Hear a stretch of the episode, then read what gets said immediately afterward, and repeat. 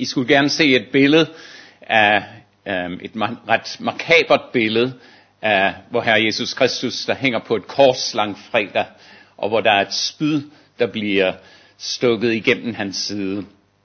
Og det er et udtryk, som kommer fra Zacharias' bog om at være den gennemboret. Og jeg vil gerne slutte i dag med øhm, den her miniserie, jeg har haft over Zacharias' bog. Jeg har valgt Zacharias, fordi det er en af de vanskeligste bøger i det gamle testamente. Men det er en vigtig bog. Det er en vigtig bog, og det ved vi, fordi apostlene, i, øhm, når de skulle beskrive Jesu øhm, liv og hans død, hans lidelse og hans opstandelse, så brugte de Zacharias til at gøre det. Og derfor er det vigtigt, at vi også forstår det og også kan anvendte. dem. Zacharias havde tre formål. Det vidste han måske ikke, men det ved vi i dag. Det første det var, at han talte til sin samtid. Det andet det var, det er, at Gud viste ham en fjern fremtid. Og det vi forstår i dag fra det nye testamente, han viste ham Jesu første komme og Jesu anden komme. Det er ikke sikkert, at Zacharias, eller det er meget usandsynligt, at Zacharias forstod det selv, men det forstår vi i dag. Og så har det budskab, fordi det er Guds ord, også et budskab til os i dag. I dag vil jeg prøve at samle mig om det mest afgørende valg, du kan gøre i dit liv. Og det mest afgørende valg for dig og mig, det er at finde Jesus Kristus som din personlige herre og frelser. Og det der sker, når det sker, det er, at man ønsker at blive en efterfølger af ham. Og det er det, den her prædiken vil handle om. Skal vi bede sammen og bede om, at Gud vil tale til os igennem det her. Himmelske Far, jeg takker dig for, at du elsker mennesker. Og derfor så har du også ragt ud til os i vor Herre Jesus Kristus. Tak, at du vil gøre budskabet om Jesus levende både for os i dag, ligesom du har gjort det levende ned gennem århundreder og årtusinder, herre. Og så vil vi også bede dig om, at, at det her bliver relevant og levende for, um, for alle dem, der lytter med i dag. Amen. Jeg vil gerne indlede med at, at læse fra Zakarias kapitel 12. Og um, hvis vi sætter den i, sin, i den sam, um, samtidskontekst, så talte Zakarias cirka 540 år før Jesus han blev født. Og øhm, situationen, som han var i, det var, at store, mægtige nationer var i krig med hinanden. Persen på den ene side, Grækenland på den anden side. Og lille, sårbar miniputstat, øh, Juda, øh, så, mens de store hanelefanter kæmpede. Og det bliver baggrunden for Zacharias' søn, øh, syn om, hvordan det vil gå Israel. Israel vil være i trængsel. Når han ser frem, så ser han Israel i trængsel. Men han ser også det, det vidunderlige, at, at Gud også åbner en mulighed for, for Israel at finde hjælp hos ham. Så jeg vil gerne læse her fra Zakarias 12, vers 9-10, og så slutte af med et vers fra 13 øhm, som afslutter egentlig den her sammen, øhm, det her afsnit. Zakarias skriver, over Davids hus og Jerusalems indbyggere vil jeg udgyde nåden og bøndens ånd. Og de skal se hen til mig. Ham, de har gennemboret. De skal holde dødsklage over ham, ligesom man klager over sin eneste søn og holde bitter sorg over ham, ligesom man sørger over sin førstefødte. På den dag åbnes der for Davids hus og for Jerusalems indbyggere en kilde, som skal rense for synd og uretfærdighed. Zacharias taler om den redning, som Gud formår at give Israel, når de kalder på ham i deres trængsel. Og der er fem bemærkelsesværdige udtryk, som kommer frem her. Gud siger, at han vil udgyde nådens og bøndens ånd over Israel. Gud tager initiativ. De er i trængsel, og de kigger hen til Gud, Og Gud tager initiativ, og han udgyder sin helligånd over dem, således at de kan bede til ham, og møde ham, og blive forvandlet af ham, og blive hjulpet af ham. Så de vil se hen til ham, som er udgyderen af Helligånden. Og så kommer det helt utrolige, at den Gud, som udgyder Helligånden, er en gennemboret Gud. En Gud, der er blevet henrettet voldsomt, makabert. Og så er det, at når det går op for Israel, hvem den Gud er, så kommer der en dyb anger og omvendelse over dem. Således at, at Zacharias udtrykker det som en klage, en sørgeklage over at have mistet sit eneste barn. Fremtiden er udelukket. Men det får lov til at åbne en kilde, som får lov til at kunne rense og genopbygge Israel. Det er det, Zacharias så. Israel i stor trængsel, voldsom international pres over dem, således at de ønsker at kalde på Gud.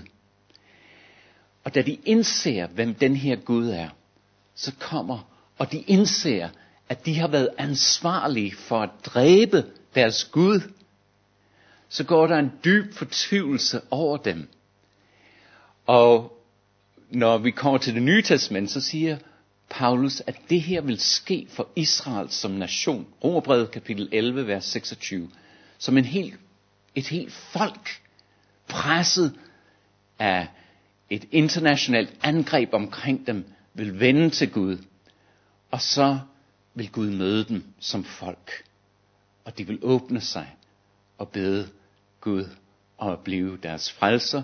De vil se, at det er Jesus, de har afvist og de vil bede ham om at blive deres messias.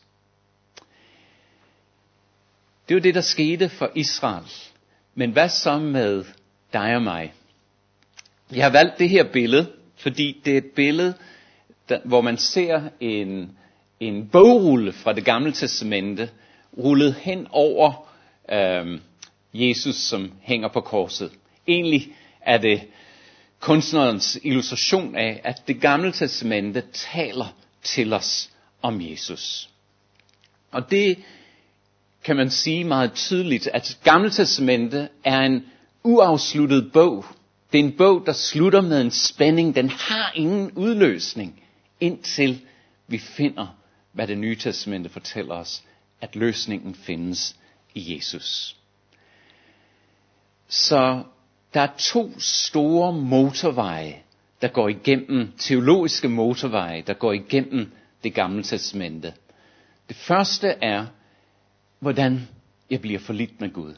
Hvordan kan jeg som sønder blive forlidt med Gud? Og det andet er at forberede Israel og verden til at møde ham, der kan forlige os. Forberede os på Jesus. Og det er illustreret i det her billede, hvor hvor vi ser Jesus hængende på korset, og så en bogrulle med hebraisk tekst, der fortæller os, at det hele det gamle testamente arbejder efter at pege hen på ham. Det der sker for dig og mig, hvis det sker som det skete for Israel, det er, at på et eller andet tidspunkt i mit liv, der vil jeg opleve, at jeg har afvist Jesus. Jeg har afvist ham for, hvem han virkelig er. Enten har det været ligesom i mit liv med ligegyldighed. Jeg har hørt jokes om, at ja, men det er lige meget, om jeg kommer til himlen, eller jeg kommer til helvede. Jeg har venner begge steder, så det gør ikke så meget. Det er egentlig at tage det, som Bibelen advarer os om, meget, meget overfladisk. Der kan også en anden vej, hvor jeg afviser Jesus, og det kan være, at, at jeg fornægter, at der er egentlig noget egentlig i vejen med mig. Og så kan jeg sige, okay, øhm, jeg kan godt sove over for Gud, men står det egentlig så slemt med sin stråb? Jeg tror godt, at Gud kan se igennem fingrene med mig, og så er det okay. Tredje måde, hvor vi kan afvise det her alvorlige budskab, som Bibelen bringer os om at tage imod Jesus som vores frelser, det er måske med en helt anden vinkel, med en meget, meget følsom samvittighed. At, øh, at føle, åh, oh, jeg er slet ikke klar. Tænk, hvis jeg skal møde Gud en dag. Men jeg skal nok forbedre mig. Jeg løg i går, men nu skal jeg tage mig sammen, således jeg ikke lyver mere. Og så håber jeg, håber jeg, at det går. Den her tekst viser os, at sådan er det ikke. Det kan ikke løse dit og mit problem, når vi skal stå over for Gud. Teksten siger, at Gud nogle gange sender en trængsel ind over vores liv. I mit liv, der var det en moralsk trængsel. Jeg, jeg vidste, jeg var en sønder. Jeg frygtede Gud. Men jeg vidste ikke, hvordan jeg skulle håndtere det der. Eller det kan komme også, og det tror jeg også har været i, sådan i mit liv, at, at åndeligt set, der begyndte jeg at mærke et behov. Livet hang ikke sammen for mig. Hvad var meningen? Hvor kom jeg fra? Hvor skulle jeg til? Hvorfor jeg var her overhovedet? Og Bibelen, den taler om en Gud, der giver den forklaring. En tredje ting, som kan stanse os, jeg kan huske sammen med min tolk en dag i Afghanistan, der stod vi i en situation, hvor han sagde, Major Svend, hvad tror du, der sker, hvis vi dør? Og det var en frygt, der var i ham, og øhm, som vi plejer at sige ret øh, skægt i forsvaret, at der er ingen ateister i skyttegravene. Fordi der ved man, at man er meget, meget lille. Og hvad sker der, hvis mit liv bliver taget fra mig i dag? Så det er den trængsel, som Gud kan sætte over et menneskes liv. Ligesom han gjorde over Israel. Der kommer en trængsel over Israel. Og i den trængsel kalder de på Gud. Og hvad sker der, når de ser hen til Gud? Så får vi lov til at se hen til Jesus. Og Gud han udgyder, som han siger det, nådens og bøndens ånd over os, således at Jesus bliver levende. Troen bliver levende. Gud bliver personlig. Lige pludselig mærker jeg, at han kalder på mig. Jeg kan ikke se ham, men jeg oplever det. Og når det sker, så får tilværelsen, sådan var det i hvert fald for mig, lov til at hænge sammen. Jeg ser, hvordan at, at Jesus, som en af vores sange, som vi ofte har sunget, det er, at jeg giver dig mit værste, og jeg giver mig mit, dit, mit bedste. At begge dele længes jeg efter, når han begynder at komme ind i mit liv og overtage mit liv. Og jeg ser også, når jeg åbner skriften, hvordan Bibelen er opfyldt i ham. Hvordan var det så, at Johannes brugte disse ord fra Zakarias? Og nu kommer der en tekst frem, som Øhm, jeg har taget fra Johannes åbenbaring, og det er vers, kapitel 1 og vers 6 og 7. Og øhm, det her, det er, hvordan Johannes tager det her mærkelige udtryk, som Zakarias har, har om Gud. En gennemboret Gud.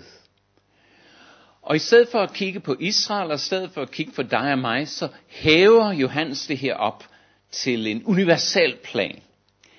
Og, øhm, og han forklarer, hvordan at Gud mødte ham på fangeøen Patmos en søndag morgen, hvor han var i tilbedelse af Jesus, og ånden kom over ham, og Jesus, og han så, og han oplevede Jesus den opstandende. Og så får han en opgave at skrive en bog, som forklarer for os, hvad verdens, hvordan verdenshistorien kommer til at ende. Og jeg vil gerne læse så det her lille brudstykke fra Johannes åbenbaring. Johannes skriver om Jesus. Han som elsker os og har løst os fra vores sønder med sit blod. Og han som har gjort os til et kongeligt folk, til præster for Gud, sin far. Ham være ære og magt i evighedernes evigheder. Amen. Og så går han videre. Efter at have set Jesus i hans første komme, som frelseren i denne her verden, så ser han nu på Jesus som den kommende konge. Og han skriver det på følgende måde. Se, han kommer i skyerne. Og hvert et øje skal se ham. Og de, som har gennemboret, også de, som har gennemboret ham, og alle jordens folkestammer skal jamre over ham. Ja, amen. Og amen betyder sandelig. Så det Johannes ser her, det er to billeder af Jesus. Hvad han har gennemført, det vi kan sige, hvordan han kom som offerlammet, og hvad han kommer for at gennemføre, som vi kan sige som løven af Judas stamme. Han viser, hvordan Jesus kommer igen, og Jesus, når han kommer igen, han kommer for to ting. kommer for at frelse dem, som vender sig til ham. Han kommer til at straffe dem, som ikke ønsker at have noget med ham og Gud og det, alt det gode, som han står for at gøre. Han siger, at alle vil tage ansvaret for at have gennemboret ham. Du og jeg har et ansvar for, at Jesus blev gennemboret og martret og tortureret på korset. Han gjorde det for os, men vi har ansvaret. Og så er det, at han forklarer om, hvordan den her jammer kommer over hele verdens befolkning, når de ser hen til det her. Og det er den her fortvivlelse, der kan føre til to ting. En frigørende omvendelse, eller en forhærdet fortabelse. Så lad os se på, hvordan vi kan håndtere det. Og øhm, næste billede, der har jeg taget et billede af en mand, der græmmes. Han jammer. Han, han, han holder hånden, hænderne over hans hoved. Og Bibelen siger, at der er to former for sorg. Den ene sorg, det er en sorg, der fængsler, og den anden sorg, det er en sorg, der frigør. Den fængslende sorg, der kan komme over os, og vil komme over verdens befolkning, når Jesus kommer igen. En af de fængslende sorg kunne være på den her måde. Jeg er lammet af min skyld. Jeg har hovedet fuld af skrigende anklager om, hvordan jeg har været. Og jeg hader mig selv. Og jeg vil bare skjule mig selv væk. Ingen skal se mig. Ingen skal vide, hvad jeg har gjort. Ingen skal få lov til at forstå alt det, som jeg egentlig er. Og så føler jeg mig fordømt, og alt håb er ude. Det er den der frygtelige fængslende sorg. Men Jesus er kommet for at give os en frigørende sorg. En sorg, hvor jeg er bevidst om mit fald, men jeg samtidig oplever et frigørende håb. Fordi med Jesus, der kan jeg forsones med Gud. Med Jesus, der kan jeg frikendes af Gud for min synd. Med Jesus, der kan jeg forløses ud af min syndighed. Med Jesus, der kan jeg forlis med min himmelske far. Og med Jesus og igennem hans helligånd, der kan jeg forvandles. Og det er det, som det frigørende budskab er. Og hvordan er vejen til den frihed? Gud rækker ud til os. Han udgyder sin ånd. Nådens og bøndens ånd til os. Og når det sker, så erkender jeg min synd. Jeg oplever mig stående foran Guds domstol, og jeg ved, at jeg står domfældt. Men så peger han mig hen mod Jesus.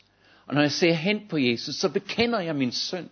Og Jesus, som hænger på korset, betaler min synd for mig.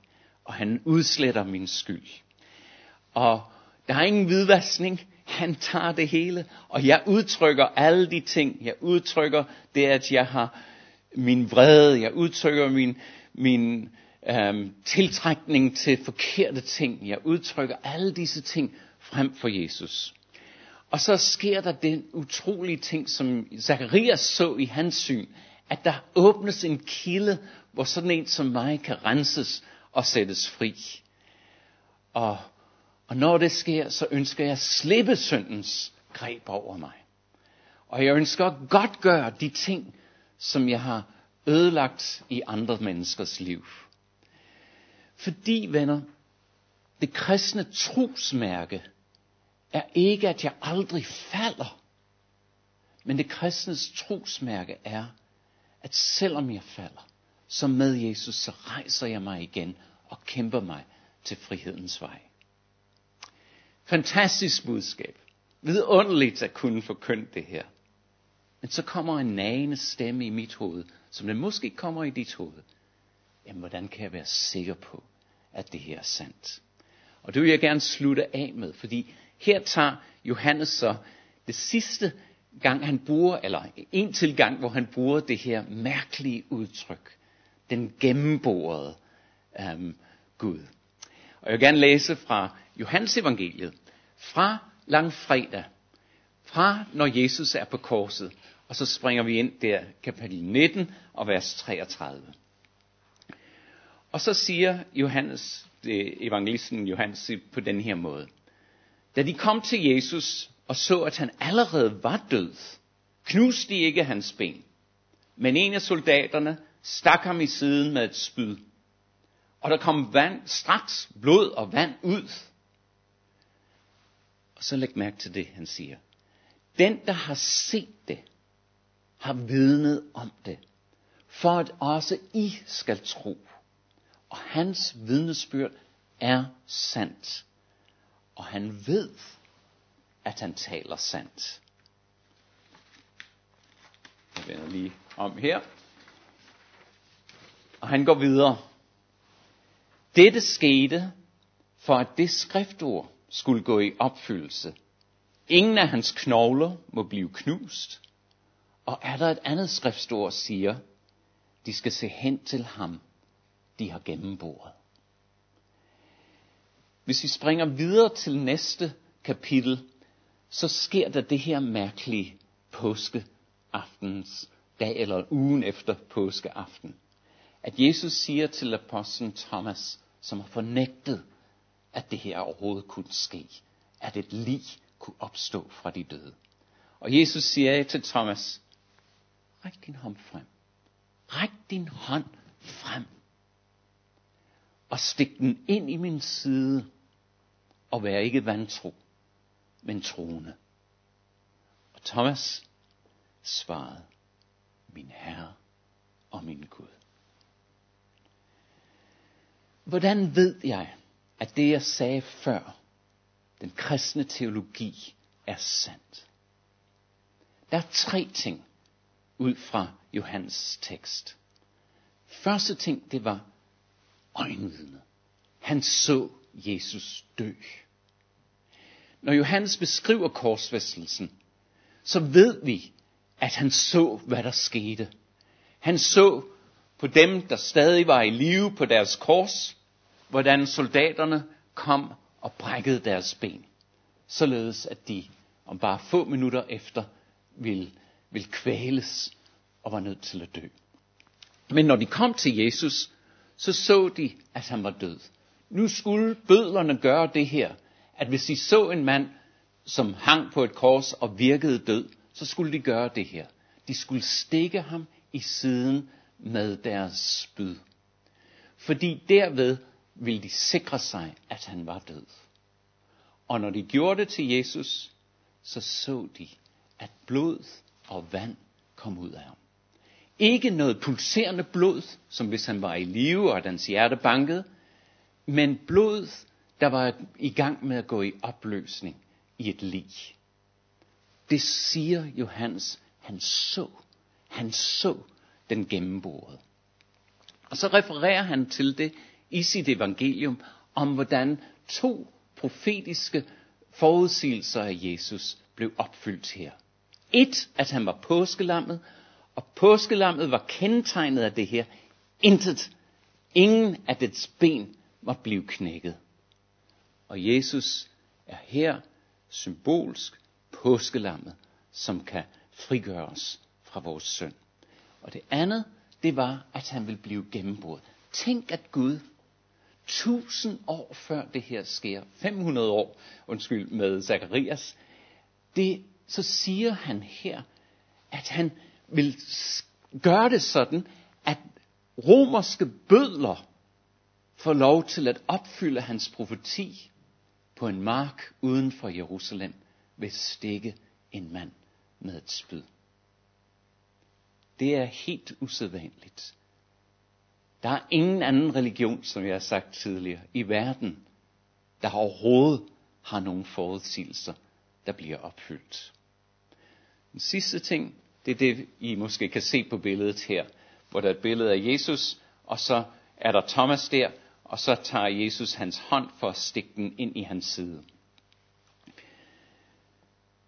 De mærkede i den opstandende Jesus arne fra hans offer. Og tvivleren Thomas, han kunne bare sige, jeg har ikke flere spørgsmål, min Herre og min Gud. Og Thomas, han gav sit liv til at tjene Jesus, døde som martyr i Indien. Venner, du og jeg får ikke flere beviser end det her. Du får lov til at se og mærke Jesus igennem Johannes og Thomas. Gode, sandfærdige, selvudslættende mennesker, som ikke prøvede at lave stort nummer af sig selv. Og Gud siger, det er nok. Og det understreger for dig og mig korsofferets virkelighed og underbygger evangeliets sandhed. Så lad os slutte med den sidste slide. Og det er, at hvordan gør du det her mærkelige udtryk fra Zakarias til dit udtryk? Ikke den gennemborede frelser, men min gennemborede frelser. Igennem Zakarias har du og jeg fået lov til at se afslutning på verdens historie. Og kristendom er ikke en eller anden tåget spring ud i mørket øhm, overtro. Det er en tro, der er troværdig, der er fornuftsbaseret og velbegrundet. Og derfor så har ja, det her kald til dig i dag, at se hen til ham, som blev gennemboret for dig. Omvend dig fra det oprør, som du er i gang med over for Gud, og lad ham genoprette dit liv. Og gøre, at du får et helt ny begyndelse sammen med ham. Giv Jesus den hyldest at tilbede ham ved at følge ham og, og være en efterfølger af ham. Skal vi bede sammen. Himmelske Far, vi takker dig, at du elsker os. Tak, at du har givet os, hvor Herre Jesus Kristus, som igennem ham kan vi finde og få syndsforladelse. Tak, at du giver os gode grunde og underbygger dit ord, således at vi ved, at det her taler sandt. Og så vil vi bede dig om at hjælpe os til at tjene dig, ligesom Johannes og Thomas og Zacharias og Moses og alle de andre har gjort. Amen.